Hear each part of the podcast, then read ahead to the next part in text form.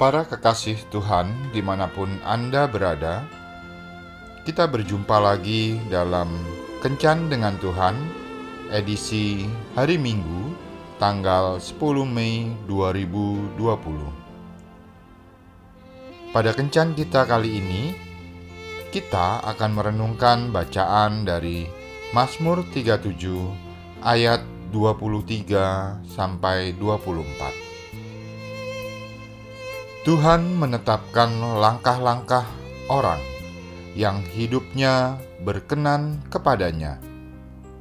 Apabila ia jatuh, tidaklah sampai tergeletak, sebab Tuhan menopang tangannya.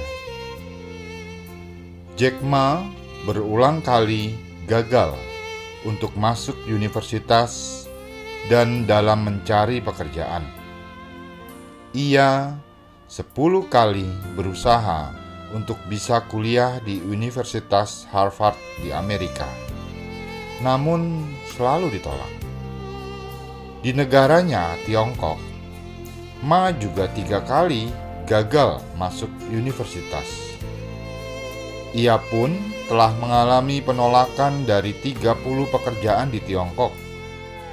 Pernah melamar jadi polisi, Waktu itu yang melamar ada lima orang termasuk dirinya.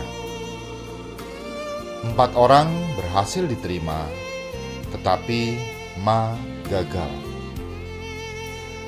Kemudian dia melamar sebuah pekerjaan di KFC. Ada 27 orang yang melamar termasuk Ma. Hasilnya 26 diterima, tetapi Ma sendiri ditolak karena penampilannya. Lalu akhirnya, Ma berhasil membangun perusahaannya, grup Alibaba yang dikenal secara luas di dunia. Kegagalan dalam hidup merupakan sesuatu yang normal dan biasa bagi manusia. Semua manusia pasti pernah merasakan kegagalan dalam berbagai aspek kehidupan. Oleh karena itu, kita tidak boleh menyerah pada kegagalan yang kita hadapi. Jack Ma dan orang-orang sukses lainnya di dunia ini adalah orang-orang yang juga pernah menghadapi kegagalan sama seperti kita. Namun, mereka tidak pernah takluk pada kegagalan mereka. Sebaliknya, mereka terus berusaha untuk melakukan yang lebih baik. Itulah sebabnya mereka akhirnya menjadi orang-orang yang sukses. Jika mereka menyerah ketika mereka menghadapi kegagalan dalam hidup mereka, maka tentu mereka tidak akan dikenal sebagai orang-orang sukses. Sudah berapa kali kita menghadapi kegagalan dalam hidup ini?